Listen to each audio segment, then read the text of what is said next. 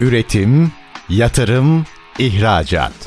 Üreten Türkiye'nin radyosu Endüstri Radyo sizin bulunduğunuz her yerde. Endüstri Radyo'yu arabada, bilgisayarda ve cep telefonunuzdan her yerde dinleyebilirsiniz. Endüstri Radyo.com Çetin Ünsal'ın hazırlayıp sunduğu İşte Bunu Konuşalım programı başlıyor. İşte bunu konuşalımdan merhabalar. Türkiye'nin gerçek gündeminde birlikteyiz efendim. Birçok kişi uluslararası pazarlarda iş yapmak istiyor. Zaman zaman buraya gidip aslında hani doğru uzmanların da ağırlıklı olarak tavsiye ettiği üzere mutlaka orada yapılanın deniliyor. Orada şirket kurulumları yapın deniliyor. Buraya kadar problem yok. Problem buradan sonra başlıyor. Çünkü işin içine vergi giriyor, vergi hukuku giriyor, mevzuat giriyor. Dikkat edilmesi gereken noktalar var. Nerede hata yapıyoruz, nelere dikkat etmemiz lazım? Hepsini konuşacağız. Kıymetli bir konuğumuz var bugün. Vergi hukuku uzmanı Profesör Doktor Funda Başaran Yavaşlar. Bugün işte bunu konuşalımın konu. Sayın Yavaşlar yayınımıza hoş geldiniz efendim. Teşekkür ederim. Hoş buldum. Gerçekten herkeste böyle bir iştah var. Yani yurt dışında evet. gideyim iş evet. yapayım ama ihracatla da yetinmeyeyim. Ben orada da yer alayım. Evet. Çünkü cazip evet. bir takım teşvikler oluyor. Evet. Bu aşamadan sonra bakın daha vergi hukukuna gelmeden evet. doğru yaklaşım sergiliyor muyuz adım adım? Tespitlerinizi merak ederim. Şimdi yurt dışına gelmek istediğinizde tabii ki onun belli bir prosedürü var. Hı hı. O prosedüre uymak durumundasınız. Dolayısıyla mecburen orada ne işlemler yapmak gerekiyorsa onu gerçekleştirmek gerekiyor. Arzu ederseniz o prosedürden biraz bahsedebilirim biraz size. Evet. Kere, hiç gitmeyenler var evet, çünkü. hiç gitmeyenler o... bakın. Şimdi şirket kurmak bakımından hiçbir sorun yok. Yani hiçbir kısıtlama yok. Almanya serbest ekonominin geçerli olduğu, serbest piyasa ekonomisinin geçerli olduğu bir ülke tabii ki. Bir üretim ekonomisi üstelik. Evet bir üretim ekonomisi, işletmeler başlarının tacı. Dolayısıyla da kapılar sonuna kadar açık. Her tür işletme bizim sistemimize benzer. Oradaki şirket tipleri de yani adi ferdi işletmeden tutun da adi ortaklığa kadar ya da işte efendim kolektif şirket, sermaye şirket tarafına geçtiğimizde işte limited şirket, anonim şirket buna benzer yapılar tabii ki Alman sisteminde de var. Zaten bizim Türk Ticaret Kanunumuz Alman sisteminden esinlenerek hazırlanmış Doğru. olduğu için çok bir büyük bir farklılık yok. Orada şirket kurma aşamasında önemli olan şu anda daha çok takınılan nokta açıkçası banka hesabı açılması. Çünkü bir şirket kurmak istediğinizde bir banka hesabınızın olması gerekiyor ki oradan işlemler yürüsün. Şu anda Türkiye'den gelmek isteyenler bakımından birazcık o nokta sıkıntılı oluyor. Bu şimdi şirket kurup ya da işte işletme açıp gelmek isteyenlerin ayağı.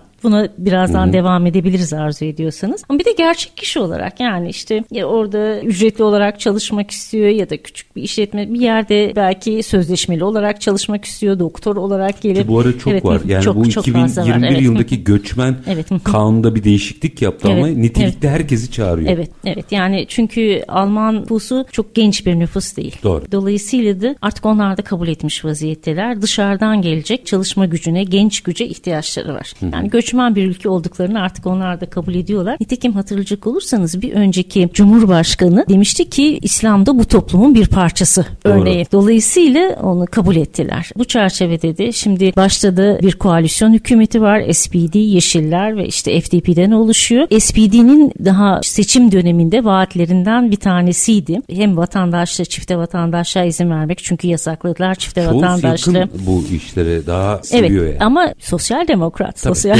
demokrat olunca e, doğal olarak bunlara yakın olmak gerekiyor. Kimliklere saygılı olmak gerekiyor. Şimdi hararetli bir şekilde onu tartışıyorlar. Çifte vatandaşlığa izin verelim ama acaba işte bir taraftan o muhafazakar görüşler acaba bu Alman toplumuna zarar verir mi vesaire endişelerini taşımıyor değiller. Onlar da dile getiriliyor. Ama kolaylaştırmak istiyorlar. Vatandaşlığa geçişte kolaylaştırmak istiyorlar. Bu yönde bu sene içerisinde muhakkak ki bir yasa çıkması bekleniyor. Bir de çok kısa izin verirseniz şundan da bahsedeyim. Son dönemde Türkiye'den çok fazla taşınmaz alımı için oraya gelenleri de görüyoruz. Çok fazla. Tabii şunu soruyorlar işte Portekiz'de mesela belli Yatırım bir miktarda. yani. Şunu düşünüyor aslında arka tarafta yatırım amaçlı gelenler de var. Çünkü ben Berlin'de yaşıyorum. Hı. Berlin şu anda Almanya'da hatta birkaç gün önce Frankfurter Allgemeine'ydi galiba o gazetede yayınlanan bir araştırma sonucu vardı. Dairelerin en yüksek olduğu eyalet şu anda Berlin. Ama ev fiyatlarının en yüksek olduğu yerde Bayern tarafı. Bu aslında böyle değildi. Yani geçmişe dönüp baktığımızda hatta o o şey varken duvar varken Doğu Batı meselesi. Evet Doğu Batı meselesinde Berlin'de insanlar yaşasınlar kalsınlar diye üstüne teşvikler veriliyormuş. Yani Ki düşün Berlin, nereden nereye. e, evet. Türkiye'nin Almanya başkenti gibi değil mi? evet evet Çok yani. Kreuzberg denilen bir yer çok fazla gerçekten de Türk var. Ama şimdi çok büyük bir cazibe merkezi oldu orası. Dolayısıyla gelenler hem yatırım amaçlı geliyorlar. Yani bizim de işte orada bir yerimiz olsun. Çünkü fiyatlar inanılmaz yükseliyor. İnanılmaz bir karlılık ortaya çıkıyor. Bazıları işte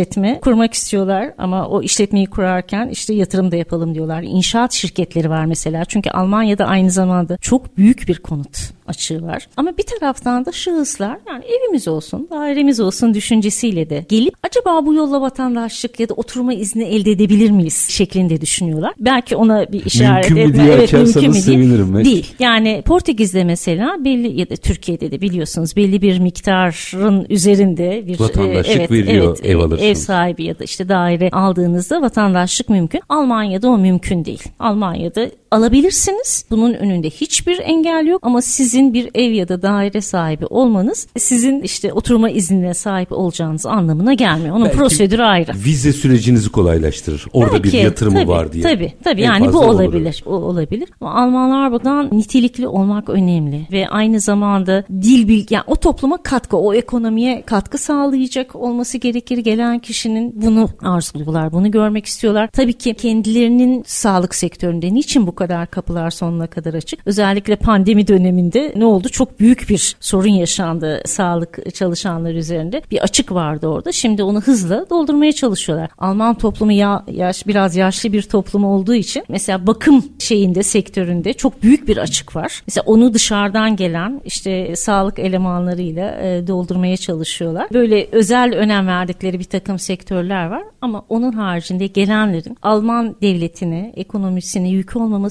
toplumla da uyum sağlayabilecek durumda olması onlar bakımdan Hatta önemli. çok sık duyuyorum prim üretebilecek yani sigorta primi üretebilecek kişilere özellikle Evet, yani öncelik istemiyor veriliyor. çünkü geldiğinde bana yük işte e, vatandaşın vatandaş demeyeyim de Almanya'da oturma izne sahip olan kişilere yardım ediyor Alman devlet. Siz eğer talepte bulunursanız size yardımcı oluyorlar. Ama bu aynı zamanda onların devletine bir yük anlamına Tabii, geliyor. Bu geçmişte kötüye kullanıldığı için çok eleştirilmiş. Mesela geliyor çocuk yardım parası denilen bir şey var örneğin. E Gitmeyen çocukların yardım paraları alındı. Evet Bilmem- yani bu- bir bakıyorsunuz işte bayağı bir çocuk sahibi olduğunuzda e, bir maaş kadar bir şey giriyor. Eğer siz mütevazi hayat şartları içerisinde yaşıyorsanız o çocuk parası siz işte aldığınız başka bir takım şeyler de var. Tabii ki destekler de var. Onlarla hayatınızı idame ettirebiliyorsunuz ama bu arzu edilen bir şey değil ve çok Almanlardan çok tepkiyle bakılan, çok e, eleştirilen bir durum. İşte bunlar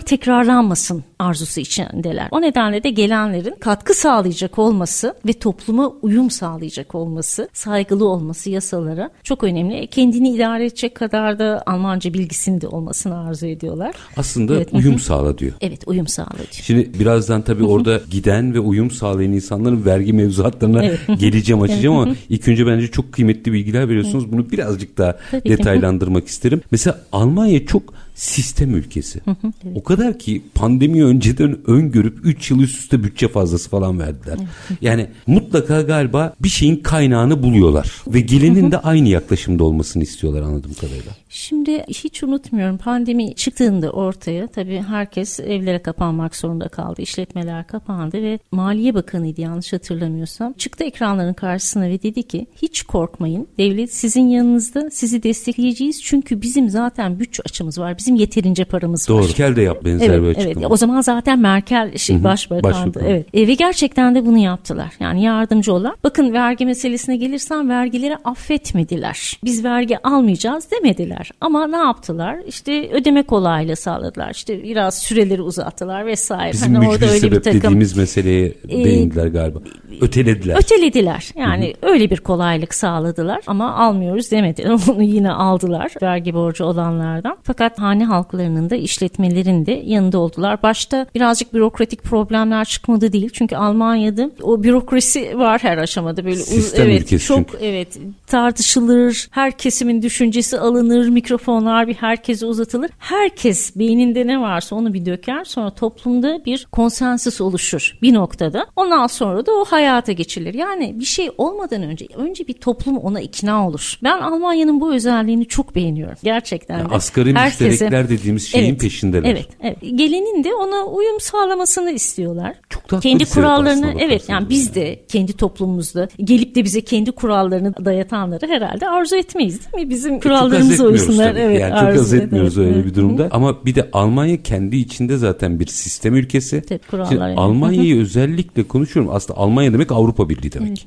Merkez Evet, e, nokta orada. Yani Almanya'daki yaklaşım Avrupa Birliği'nin genelinde de 3 aşağı 5 yukarı tutarlılık gösterir. Farklılıklar Evet, olmakla evet. birlikte. Şimdi bir araya gideceğim. Aranın ardından bütün bunları gittik. Tamam yatırım yaptık gittik. Orada iş yaptık gittik. Şahıs olarak gittik. Belki iş yapıyoruz. Şimdi çok daha müsait yeni Evet, ekonomi hı hı. buna. Günün sonunda o vergi Tabii, karşımıza ödenecek, evet, çıkıyor. evet, hı hı. Orada nelere dikkat etmek lazım? Nerelerde hatalar yapıyoruz? Onları da soracağım ama minik bir aranın Tabii ki. ardından konuşacağız. Efendim vergi hukuku uzmanı Profesör Doktor Funda Başaran Yavaşlar bizlerle birlikte Almanya başta olmak üzere yurt dışında aslında vergi mevzuatına uyum ya da aksamayı sizler için konuşuyoruz. Kısa bir ara aranın ardından işte bunu konuşalım diyeceğiz. Lütfen bizden ayrılmayın.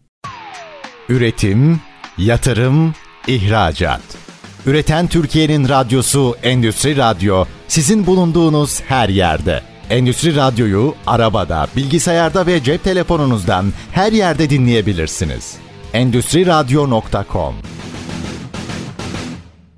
Kısa bir aranın ardından işte bunu konuşalım demeye devam ediyoruz efendim. Konuğumuz vergi hukuku uzmanı Profesör Doktor Funda Başaran Yavaşlar. Yurt dışı ve vergiyi konuşuyoruz. Almanya merkezli konuşuyoruz. Çünkü aslında Almanya dediğimiz Avrupa Birliği. Avrupa Birliği dediğimizde bizim her iki üründen birini sattığımız çok doğal yaşam alanımız aslında. Ama işler öyle olmuyor tabii. Gidince bir vergi mevzuatı geliyor. Orada devletlerin canını alabilirsiniz, vergisini alamazsınız. Evet, muhakkak. İşte o aşamada nelere dikkat etmek gerekiyor? Sizden alalım detayları.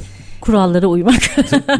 En başta yani işte ben yarın öbür gün affa uğrarım. Ondan sonra bunu vergi dersi belki görmeyebilir vesaire gibi durumlar söz konusu değil. Gerçekten de sonuna kadar hani kurallara uymak gerekiyor. Bir kere öncelikle eğer siz bir ferdi işletme sahibiyseniz ya da serbest çalışıyorsanız bu durumda gelir vergisi ödeyeceksiniz. Eğer bir işletme sahibiyseniz onun yanında işletme kazançları vergisi denilen yerel yani eyalet biliyorsunuz Almanya bir eyalet, federal eyalet. devlet evet eyaletler var. Her eyaletin belirlemiş olduğu oranda çünkü o vergiyi işletme kazançları vergisini şey topluyor. Eyaletler O zaman topluyorlar oraya onun geliri. önce o eyaletin mevzuatını Bilmek gerekiyor. Evet yani daha doğrusu o verginin oranı eyaletten eya- şey kurumlar vergisi, gelir vergisi federal devlet tarafından toplanan vergilerdir. Ülke Dolayısıyla aynı. bütün ülkede aynıdır. Bu anayasada düzenlenmiş vaziyettedir. Eyaletlerin hangi vergileri alacağı, federal devletin hangi vergileri alacağı, bir de aralarında bölüşülen vergiler vesaire var. Onların hepsi anayasada ayrı bir bölümde düzenlenmiş vaziyette. Şimdi işletmeniz varsa tamam bir işletme türüne göre eğer bir ferdi işletme ise işte sadece ortağın aynen burada olduğu gibi elde etmiş olduğu gelir üzerinden gelir vergisini ödemesi gerekir. Artı bulunduğunuz eyalette geçerli olan oran üzerinden de işletme kazançlı vergisini ödemeniz gerekir. Eğer bir kurumsanız bu durumda yine o yerel vergi var ama bu sefer gelir vergisi değil şirketin tabii ki bir kurumlar vergisi ödemesi gerekiyor. O kurum kazancından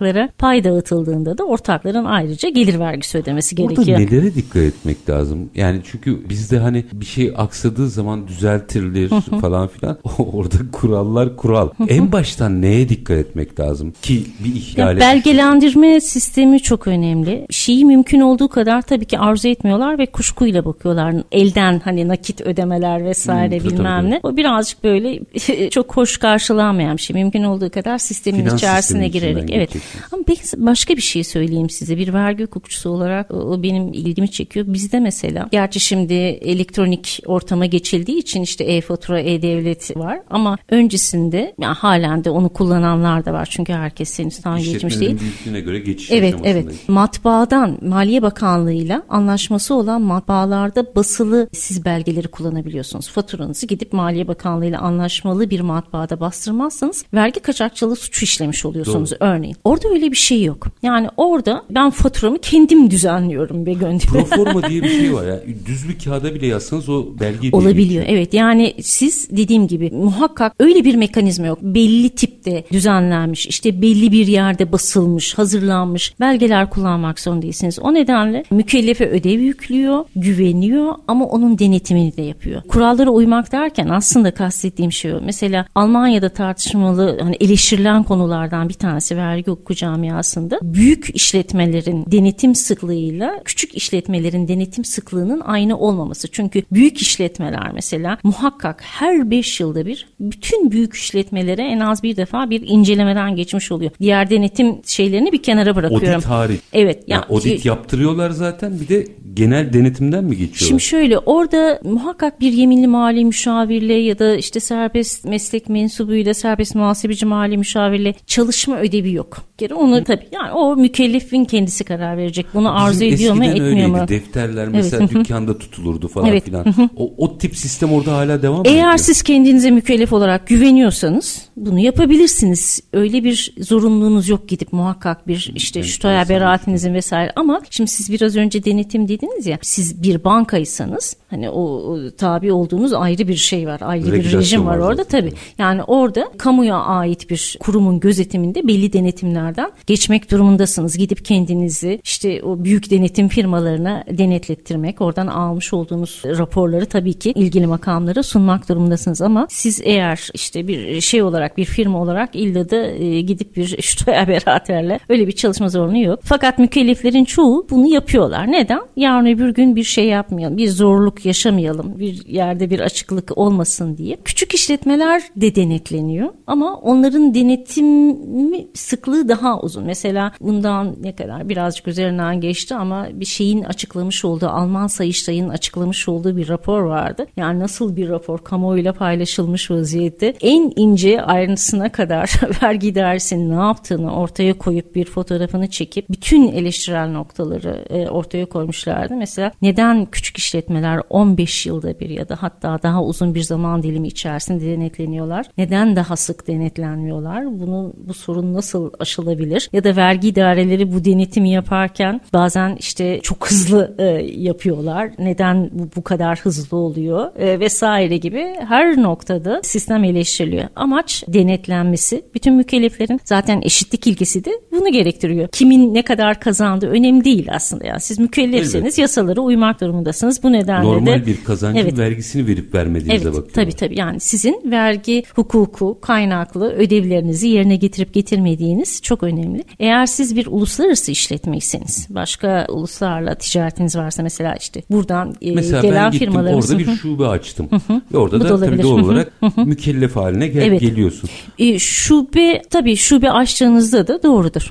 Oradaki dikkat etmem gereken ne? Çünkü bizim buradaki sistemle oradaki sistem zaman zaman karışabiliyor. Şube açmakta da herhangi bir sakınca yok. Tabii ki şube de açabilirsiniz ama çoğunlukla gelen yatırımcılar şirket açmayı tercih ediyorlar. Çünkü şirket açtığınızda siz artık oranın bir şirketi olduğunuz Ha, için pardon, yararlanabileceğiniz imkanlarda evet. geçiyor ama gidenlerin hepsi şirket açıyor Evet, bu arada. evet yani şirket açıyor. Yani Evet, şube çok nadiren Yani açıkçası ana görülüyor. burada da Evet. oraya da bir yer açıyor manasında. İşte bir bağlı şirketi oluyor. Yani ne oluyor? Buradaki şirket bir sermaye şirketi ise yüzde yüz oradaki şirketin sahibi oluyor. Evet, evet. Biz buna bağlı şirket diyoruz. İlla yüzde yüzüne sahip olmak zorunda değil. İşte belli bir kısmına da evet vesaire. evet ama en azından orasıyla burası arasında ya yönetim ya denetim işte ya da kar bakımından bir şey var. Bir ilişki ortaya çıkmış oluyor. Her durumda ama çoğunlukla orada bir firma kurulması tercih ediliyor ki Almanya'nın bir firması olsun. Bu şöyle bir yarar da sağlıyor. Siz bir Alman firması olduğunuzda Avrupa Birliği içerisinde serbestçe hareket edebiliyorsunuz. Siz artık Almanya'nın bir firması değil, Avrupa Birliği'nde bir firma oluyorsunuz. Dolayısıyla tüm orada sunulmuş olan bütün imkanlardan, haklardan oranın bir firması olarak yararlanabiliyorsunuz. Şube Bavyera olduğunuzda eyaletinde galiba çok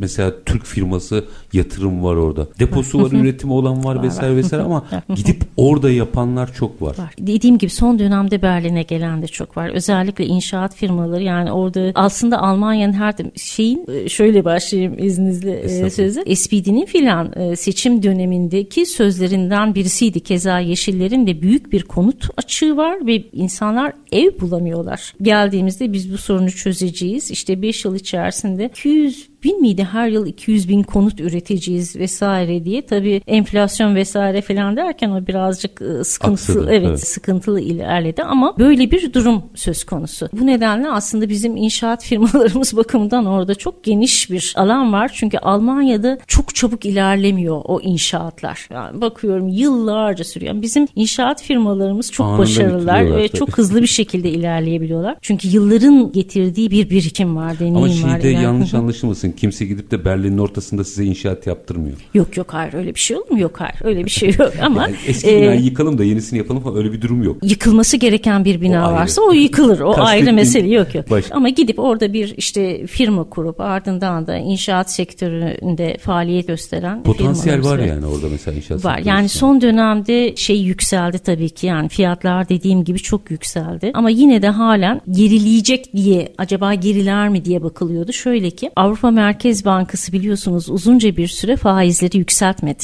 Amerikan Merkez Bankası yükseltti ama o yükseltmedi. Çünkü Geç kaldı, evet, kalmakla evet, evet onunla da zaten. eleştirildi. Ama e, nedeni şuydu bir devletin de neticede çıkarmış olduğu bir takım tahviller var. Faizleri yükselttiğinizde devletin de borcunu yükseltmiş oluyorsunuz, Doğru. artırmış oluyorsunuz bir taraftan o. Bir taraftan da hane halklarının borcunu çok yükseltmek istemiyor. Çünkü bir kişi diyelim ki ev almak istiyor. Ne yapacak? Yeterince eğer sermayesi yoksa gidip bankadan kredi, Kredi alacak. alacak. Siz faizleri arttırdığınızda o faizler de yükselmiş oluyor. Dolayısıyla bu insanların işte eve ulaşımını, ev satın alma isteğini azaltır. Bu da ev fiyatlarında belki bir gerilemeye yol açar tarzında bir düşünce vardı mesela. Şu ana kadar o gerçekleşmedi. Ev fiyatlarında Bu bir düşüş nedenle de zaten evet. Avrupa Merkez Bankası geç kalmakla suçlanıyor veya açıkçası. evet, evet. Ya daha çok maliyet ödettirdiniz bize Evet, diye. evet. Zor mu Avrupa'da iş yapmak? Bence bir vergi değil. hukukçusu Yani- gözüyle. Şimdi kurallara uyduğunuz sürece bence zor değil. Tabii belli sektörlerde daha kolay, şansınız daha fazla ama bu piyasa netice itibariyle siz tüketiciye hitap eden e, malı, hizmeti masanın üstüne koymak durumundasınız ve bu maldan, bu hizmetten de tüketiciyi, ilgili kesimi haberdar etmek zorundasınız. Bunu yapmadığınız sürece şansınız yani bu iki bileşen çok önemli. Bunu yapmadığınız sürece dünyanın neresinde olursanız olun işiniz Tepkisini zor. görürsünüz Evet. tabii. Ee, yine şimdi bir örnek paylaşayım. Oradan yürüyelim. Tabii. Mükellefe bakış açısı benim için çok önemli. Evet.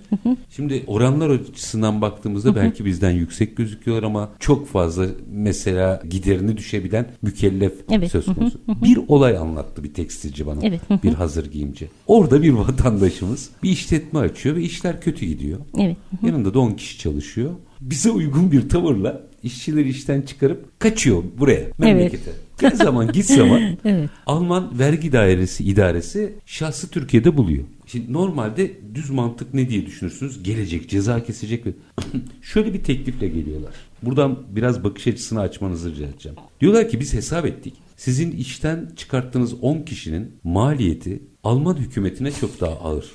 Gelin sizin bir borcunuz varmış. Biz onu kolaylık yaparız. Evet. Uzun vadeye de yayarız. Evet. Ödersiniz onu bir Evet. şekilde. Tek bir şartımız var. 10 kişiyi işe alın. Evet. İşletmeleri yaşatmak üzerine bir eğilimleri var. Doğrudur. Bunu biraz açarsanız Doğru, sevinirim. doğru. Almanya yani ta 16. yüzyıla kadar gittiğimizde Almanya'da o zaman dahi işletmelere ne kadar önem verilmiş olduğunu, ne kadar yaşatılmaya çalışılmış olduğunu görüyoruz. Aile işletmeleri çok önemli ve e, ben gittiğim ilk gittiğim dönemlerde işte bakıyorum ne kadar yardım ediyorlar vesaire filan. Almanya tam bir sosyal devlet demiştim bir hukukçu meslektaşıma. Bana dön dedi ki Almanya bir hukuk sosyal hukuk devleti değildir dedi. Yani bir sosyal devlet değildir daha doğru bir söyleyişle. Burada tam anlamıyla bir serbest piyasa ekonomisi var. Ben dedim ki siz şu andaki durumun farkında değilsiniz. Yani siz sosyal devletten ne anlıyorsunuz? Belki onu bir konuşmamız gerekiyor. Ama devletin bakış açısına, vatandaşına, işletmelere baktığımızda Almanya tam anlamıyla bir sosyal devlet aslında. İşte bu çerçevede işletmeler neden bana onu söyledi? Onu, e, gelmek istiyorum. Çünkü Almanya'da işletmeler çok önemli. Onların yaşatılması çok önemli. Bugün Almanya'nın bütün büyük markaları o küçük aile işletmelerinden geliyor. Almanya'nın gücü onlar. Dolayısıyla işletme yaşayacak, istihdam olacak, üretim olacak ki bir rekabet de olacak aynı zamanda. Ne kadar çok işletme olursa o kadar çok rekabet. Dolayısıyla onların desteklenmesi ve Almanya'da daha fazla vergi toplanması bütün bunlar hepsi birbiriyle bağlantılı. Bunun için işletmeyi yaşatmak istiyorlar İşletmeyi tabii ki. yaşatırken mesela vergi oranları çok ağır mı? Şimdi bakın kurumlar vergisi mesela yüzde on beş. Bizde yüzde yirmi farklı bir kesim oluşturuldu bankalar falan. Onlar bakımından yüzde yirmi beş. Ama işte o yerel biraz önce bahsetmiş olduğum vergi var ya o üstüne geldiğinde o işletme kazançları vergisi o zaman işte yüzde yirmi eyaletten eyalete değişiyor ama yüzde yirmi sekizlere yaklaştığı yerler oluyor. Şunu vurgulamak isterim. Şimdi kurallara uymak değil ki. Şimdi bizim sistemimizde benim belki mükelleflerin çok hoşuna gitmeyecek ama bizim sistemimizde vergi kaçakçılığı suçu şekli bir suç gibi düşünülmüş. Yani şunu söylemeye çalışıyorum. Siz eğer kayıt içerisindeyseniz bu suçu işleyebilirsiniz. Kayıt dışındaysanız işleyemezsiniz. Yani Yani siz tamamen vergi Doğru kaçırdın. mu anladım? Yani ben tahakkuk ettirdim, ödeyemiyorum. ben vergi kaçakçısı değilim. Şöyle. Diyemiyorum yok, yok, ama, ödemiyorum Yok değil. yok o, o- onu kastetmiyorum. Siz mükellefiyet kaydı işletme açıyorsunuz. Gittiniz kendinizi bildirdiniz. Dolayısıyla bir Buradayım mükellefiyet dedim. kaydı. Evet buradayım ben mükellefim vesaire dediniz. Daha sonra işte nedir ona bağlı ödevleriniz var. Şekli bir takım ödevler diyoruz biz ona gruplandırmada. Mesela defter tutmak zorundasınız belge düzenlemek vesaire. Şimdi siz eğer defteri ibraz etmezseniz mesela ya da daha başka bir şey söyleyeyim. Türkiye'de çok sık rastlanılan naylon fatura denilen ya da hukuki adıyla sahte belge düzenlemek denilen durum. Sahte belge düzenlerseniz ya da sahte belge kullanırsanız o zaman vergi kaçakçılığı suçunu işlemiş oluyorsunuz. Ama şimdi bakın başka bir şey söyleyeyim. Siz hiç Durun durun bir araya gideyim. Tabii. Şimdi çok kritik bir şeyden bahsediyorsunuz. Orada kim vergi kaçakçısı durumuna düşüyor? Minik bir araya gideyim. Tamam. Bu yarım kalmasın çünkü. Tamam. en bam teli noktaya geldiniz. Biraz açalım onu. Ama minik bir araya gidelim. Vergi hukuku uzmanı Profesör Doktor Funda Başaran Yavaşlar aslında oradaki sistemdeki kim vergi kaçakçısı sayılıyor yanıtını verecek. Biraz sonra kısa bir ara buradayız efendim. Üretim, yatırım, ihracat. Üreten Türkiye'nin radyosu Endüstri Radyo sizin bulunduğunuz her yerde. Endüstri Radyo'yu arabada, bilgisayarda ve cep telefonunuzdan her yerde dinleyebilirsiniz. Endüstri Radyo.com Kısa bir aranın ardından işte bunu konuşalım demeye devam ediyoruz. Konuğumuz vergi hukuku uzmanı Profesör Doktor Funda Başaran Yavaşlar. Almanya özelinden aslında Avrupa'daki vergiye bakış açısını mercek altına alıyoruz. Tam da kim vergi kaçakçısı noktasına gelmiştik. Orada virgül attım çünkü yarım kalmaması Evet. gereken bir tanımlamaydı. Buyurun Devam e. Sayın Yavaşlar. Teşekkür ederim sağ olun. Şimdi bizim sistemimizde biraz önce dediğim gibi eğer siz kayıt içindeyseniz yani vergi dersi sizin mükellefiyet kaydınızı yapmış ondan sonra işte e, biliyor sizden haberdar defterlerinizi tutmak zorundasınız belgelerinizi düzenlemek zorundasınız. Siz onlarda bir hukuka aykırılık belli eylemler ama biraz önce vermiş olduğum örnekte olduğu gibi işte sahte fatura kullandıysanız örneğin siz vergi kaçakçılığı suçunu işlemiş oluyorsunuz. Tamam buna bir şey demiyorum ben ama şimdi bir de şöyle bir durum var. Eğer bir mükellefin varlığından vergi dersi hiç haberdar değilse yani tamamen dışarıda tek kuruş vergi ödemiyor tamamen merdiven altı çalışıyor örneğin o vergi kaçakçılığı suçunu işleyemiyor. Çünkü vergi kaçakçılığı suçu bizim sistemimizde sadece kayıtlı mükelleflerin işleyebileceği bir suç. Bu çok büyük bir adaletsizlik. Böyle bir şey olamaz. Buna karşılık Almanya'da öyle değil. Almanya'da neden bu kadar çok çekiniyorlar mükellefler? Yani tabii ki işletmeleri yaşatmaya çalışıyor, destek oluyor. Mesela vergi dersinin elinde adalet sebepleriyle vergiye bizde de var ama bizde çok sınırlı bir rakama kadar. Hani vergiyi affetmek, almamak, tahsil etmemek. Orada vergi fayda dersinin maliyet evet, hesabına bakıyor. Evet evet genel, bakıyor yani. adına. Ama orada siz bilgi vermediğiniz anda mesela vergi kaçakçılığı suçu işlemiş oluyorsunuz. Bilgi vermedi. Bilgi vermediğiniz yani vergi idaresinden bir bilgiyi gizlemek, vergilendirme bakımından önem taşıyan bir durumdan vergi idaresini haberdar etmemek kaçakçılık suçuna götürebiliyor sizi. Dolayısıyla tehdit çok yüksek. Onun için de doğal olarak ne oluyor? Sisteme uyuluyor. Bu uluslararası çalışan firmalar bakımından da şunu söyleyecektim biraz önce. Onu da bir tamamlamak isterim. Orada bilgi verme bakımından şeylerin firmaların daha doğrusu vergi mükelleflerinin artan bir yükümlülüğü söz konusu. Yani daha fazla bilgi vermek zorundalar. Normal işte mükellef işte defterin defter tutmak, belge düzenlemek bunlar hepsi vergiyi doğuran olayın ve matrağın tespitiyle ilgili olarak mükellefin vergi idaresine yardımcı olması çerçevesinde Mitwirkung diyorlar. Yani birlikte ödevi. Vergi dersini desteklemek çerçevesinde yapmak zorunda olduğu ödevler. Ama işte sınır ötesi eğer bir faaliyet söz konusuysa o zaman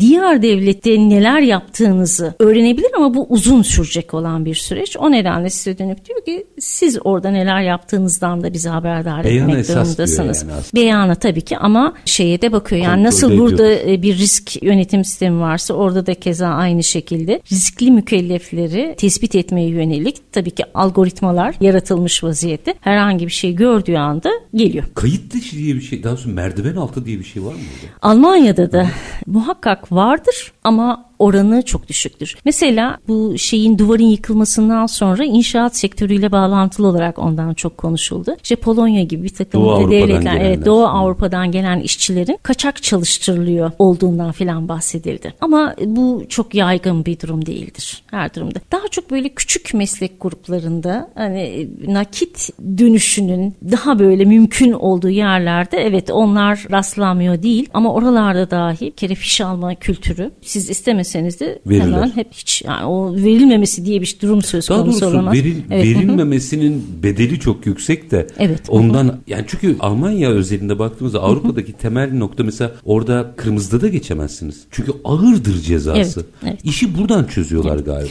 ağır cezası ve o ceza uygulanıyor.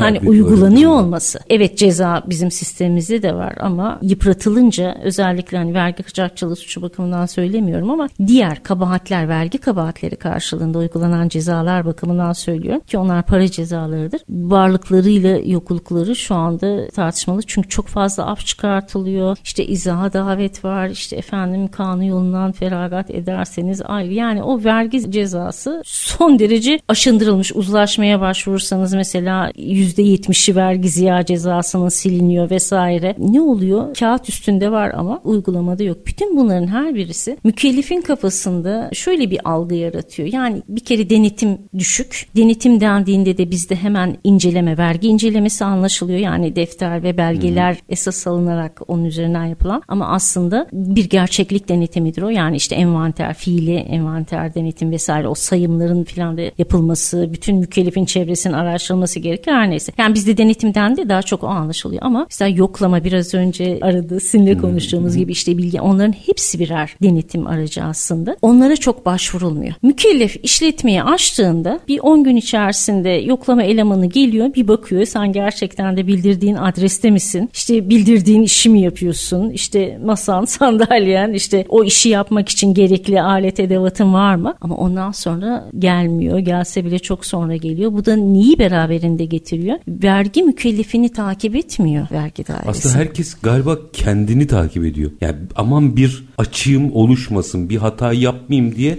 Orada mükellef takip ediyor kendini neredeyse galiba. Şimdi şöyle mükellefte şöyle bir bakış açısı oluşuyor. Ben nasıl olsa denetlenmeyeceğim. Yani denetim oranı son derece düşük. Dolayısıyla daha kolay risk alabilir hale geliyor. Yakalanırsa yakalanma riski çok yüksek değil. Yakalanırsa da ha, bu sefer de diğer mekanizmalar giriyor devreye. Mesela işte uzlaşma olabilir. Ondan sonra eğer Şimdi vergi... Burada mı? Tabii tabii bizim ha, ülkemizde. Orada, orada yok yok hayır yok orada, orada değil. Şey yok. Orada böyle bir şey söz konusu. Orada şöyle uzlaşma denilen kurum bizde yasada düzenlenmiş vaziyette. Orada yasada düzenlenmemiş ama uygulamanın ihtiyaç duyduğu bir kurum olarak ortaya çıkmış. Fakat İnisiyatife mi bırakılmış orada mesela vergi dairesinin yetkilisine inisiyatifine mi bırakılmış? Şöyle inisiyatifine bırakmadan ziyade bunu mükellefin kendisini vergi dairesine açıklaması için bir fırsat olarak algılanıyor algılıyorlar hmm. ve uyguluyorlar. Ve bizde uzlaşma daha çok böyle rakam üzerinden. Olaylar gerçekten de işte sizin böyle bir gideriniz var mı, yapılmış mıdır, şöyle bir ticari ilişkiniz olmuş mudur bu kişiyle gibi. Bunların konuşulması gerekirken mesela Almanya'da bunlar konuşuluyor. Bizde daha çok işte şu kadar işte resen tarh yapılmış örneğin bu tarha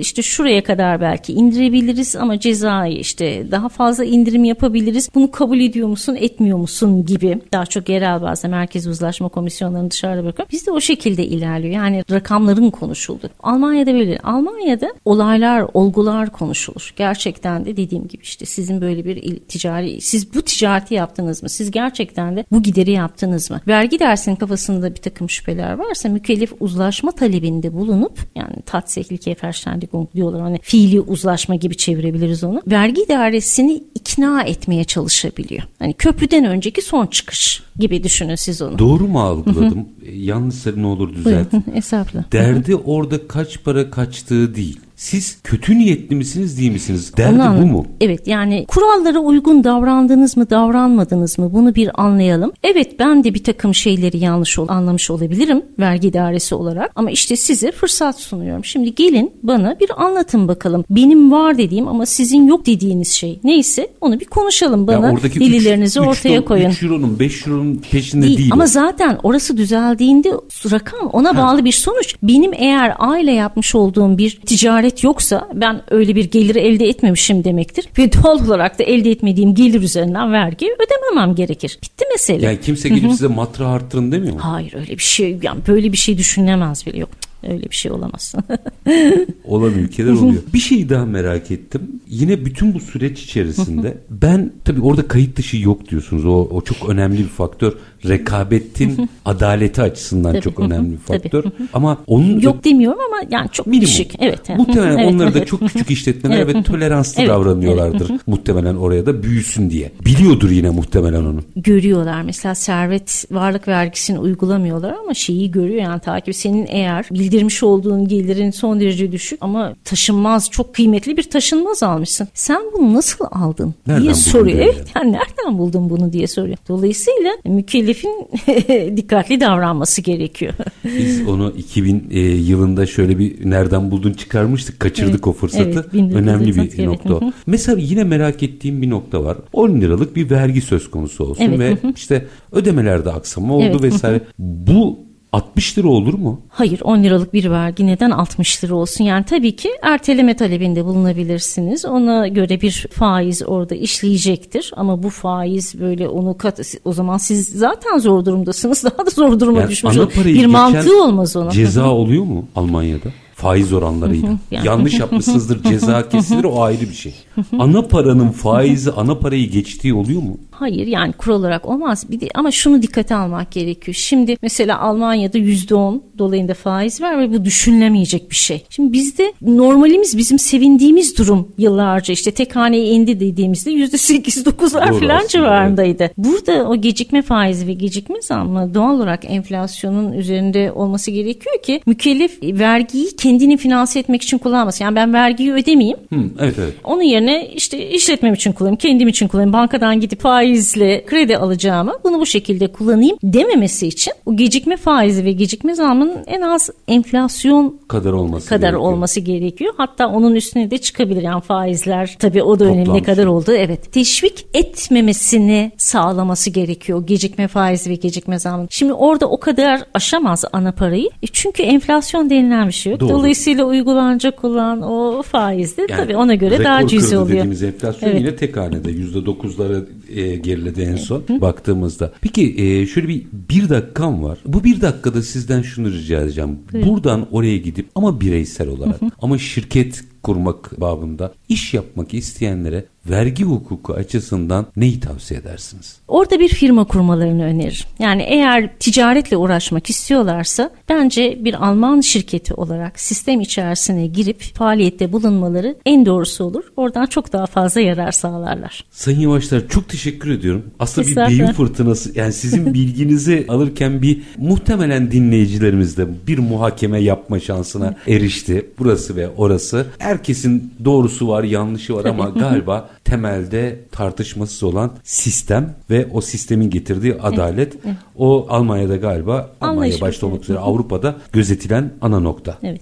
Efendim vergi hukuku uzmanı Profesör Doktor Funda Başaran Yavaşlar çok teşekkür ediyorum. Estağfurullah ben teşekkür ederim. Sağ Var olunuz. Efendim biz bugün biraz vergi hukuku bakımından e, yurt dışında hem bireysel hem de şirket kurumları da hem prosedüre baktık hem yaklaşıma göz attık. Bakış açısını biraz e, değiştirdik. Almanya merkezli konuştuk. Bilmiyorum not defterinize neleri not ettiniz ama e, şu bir gerçek ki bir vergi hukuku uzmanı kimliğiyle Sayın Yavaşlar diyor ki eğer oraya gidiyorsanız mutlaka bir Alman şirketi örneğin bir Alman şirketi olun. Çünkü bunun hem vergisel hem desteksel anlamda çok faydaları var. Ödenebilir vergileri de var. Evet. Ondan onu anlıyoruz. Biz her zamanki gibi bitirelim. İşinizi konuşun, işinizle konuşun. Sonra gelin işte bunu konuşalım. Hoşçakalın efendim.